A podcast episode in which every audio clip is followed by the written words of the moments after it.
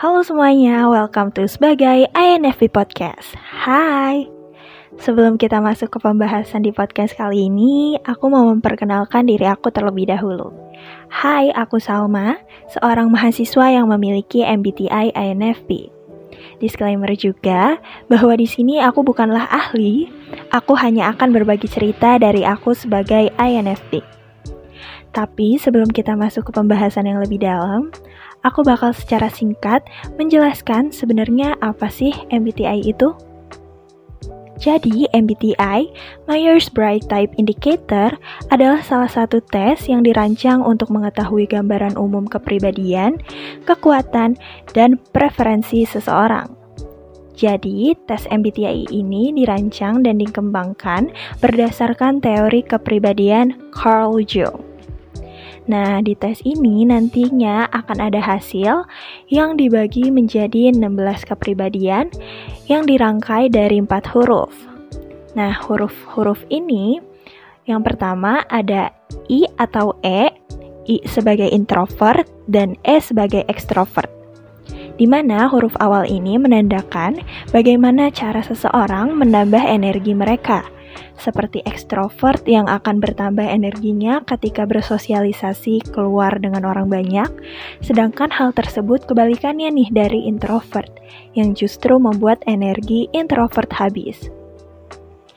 Nah, huruf kedua ada S atau N, di mana S adalah sensing dan N intuition. Sensing dan intuition ini merupakan skala yang menggambarkan cara seseorang mengumpulkan dan mengolah informasi dari dunia sekitarnya.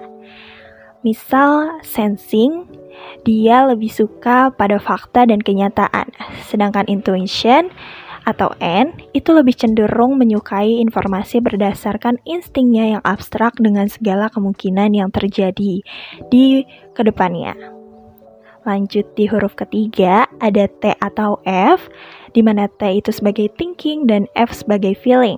Skala yang ketiga ini digunakan untuk menilai cara seseorang dalam mengambil keputusan berdasarkan informasi yang dia kumpulkan dari skala sebelumnya.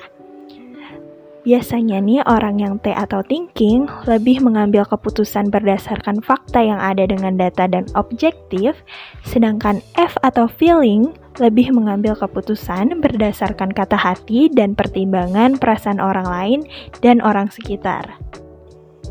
Yang terakhir ada huruf keempat, J atau P, di mana J sebagai judging dan P sebagai perceiving. Nah, dalam skala ini menunjukkan bagaimana cara seseorang menjalani hidupnya. Orang yang J atau judging adalah orang yang teguh pendirian atas apa yang ia pegang dan rencanakan. Sedangkan P atau perceiving adalah orang yang fleksibel dan lebih mudah beradaptasi. Kira-kira itu aja pemahaman dari MBTI itu sendiri dan tipe-tipenya. Nah, di sini aku bakal uh, mengasih disclaimer juga bahwa MBTI ini memang dari Carl Jung uh, psikolog. Namun uh, MBTI ini masih menjadi uh, suatu hal yang belum paten di mana kita tidak bisa nih membagi 16 kepribadian ini kepada manusia di mana manusia ini kan sifatnya kompleks. Nah, uh, tetapi di sini aku akan membahas MBTI secara uh, seru-seruan di mana kita bisa nih mengambil suatu yang positif dari MBTI ini, di mana kita bisa mengenal diri kita sendiri. Nah, di sini aku juga mau menceritakan latar belakang aku mengenal yang namanya MBTI. Jadi, ketika aku kelas 12 SMA, Di mana saat itu aku merasa aku kehilangan jati diri aku, aku nggak kenal nih sama diri aku sendiri. Di mana pada saat kelas 12 itu kan uh, banyak nih ya tuntutan untuk aku tentang keputusan masa depan seperti memilih jurusan kuliah. Nah, dalam proses pencarian jati diri itu, aku ketemu nih sama tes MBTI ini, di mana aku mendapatkan INFP, Introvert, Intuition, Feeling, Perceiving. Nah, dari baca-baca segala macam tentang INFP ini, aku jadi lebih mengenal nih sama diri aku sendiri. Dan akhirnya aku merasa bahwa apa yang aku rasakan juga selama ini dirasakan loh sama uh, eh, INFP lainnya. Jadi dari situlah di sini aku mau berbagi cerita juga ke kalian gimana sih kehidupan aku sebagai INFP. Di episode pertama kali ini, aku akan bagi jadi 4 poin pembahasan sesuai dari huruf di MBTI aku. Yang pertama, introvert.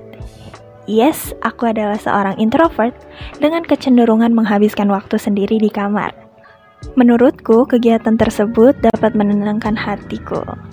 Dan aku sebisa mungkin menghindari interaksi dengan banyak orang seperti party dan lain-lain. Tapi bukan berarti aku jadi orang yang benar-benar menarik diri dari pergaulan. Aku masih seneng kok kalau ketemu sama teman-teman yang emang sefrekuensi. Cuma ya kadang gitu, karena aku bisa menghabiskan energiku di luar, aku biasanya membagi porsi untuk diriku supaya aku nggak kecapean banget bersosialisasi. Kayak contohnya, hari ini misal aku udah main seharian di luar sama teman-teman aku. Besoknya aku punya kecenderungan untuk tetap diam di kamar, gak keluar kamar sama sekali. ya, seperti itulah. Sebenarnya aku pun masih dalam perjalanan proses menerima aku yang seperti ini. Kadang aku juga suka mikir, enak ya untuk orang yang extrovert bisa menunjukkan dirinya ke dunia, bersosialisasi dengan orang banyak, menunjukkan eksistensinya ke dunia. Tapi aku di sini punya kelemahan dalam bersosialisasi. Tapi sebisa mungkin aku mencoba menerima diri aku apa adanya dengan self love dan juga memahami bahwa setiap orang punya kok porsinya masing-masing di dunia dan bukan berarti aku nggak bisa juga menunjukkan eksistensiku di dunia. Aku juga bisa membuktikannya dalam karya-karyaku atau hal lainnya. Intinya pasti ada cara lain untuk kita bisa juga menunjukkan eksistensi kita ke dunia. Selanjutnya ada N atau intuition. Nah, kalau INFP itu ya biasanya mengedepankan konsep dan ide. Mereka lebih mendahulukan gambaran besar daripada memikirkan hal kecil lebih dahulu. Nah, ini sering banget nih aku lakuin, yang akhirnya malah kehilangan fokus akan hal-hal kecil, detail gitu. Karena biasanya aku berpikir dengan intuisiku yang melihat hanya pada gambaran besarnya aja. Aku juga selalu melihat kemungkinan yang terjadi di depanku dan terkadang menjadikan realitasku yang sekarang adalah hal yang akan terlewati. Ibaratnya INFP itu hidup untuk masa depan gitu. Selanjutnya masuk yang paling menjadi utama dalam hidup aku yaitu pengambilan keputusan aku sebagai F atau filler di mana aku akan mengambil keputusan yang tidak akan merugikan orang lain, tidak akan membuat orang lain sakit hati daripada harus memikirkan faktanya terlebih dahulu. Ini tuh terpancar dari diri aku yang sangat amat memikirkan orang lain daripada diriku sendiri. Seperti misalnya aku nih jadi orang yang gak enakan sama temen meskipun misalnya dia ada salah uh, sama aku tapi aku akan berusaha untuk tidak membuat orang tersebut sakit hati dengan perkataan aku. Dan sering kali juga hal-hal tersebut ini nih ngebuat aku jadi lebih baik diam daripada membicarakan sesuatu yang dapat menyakiti hati orang lain. Itu sih. Nah, terakhir itu ada unsur perceiving atau apa? Nah, sebagai NFP, aku nih orangnya sangat fleksibel bisa dibilang, aku tuh ikut aja gitu orangnya. Aku juga bisa beradaptasi dengan lingkungan baru. Aku lebih spontan orangnya. Dengan kadang uh, baru ngerjain sesuatu tuh mepet-mepet gitu.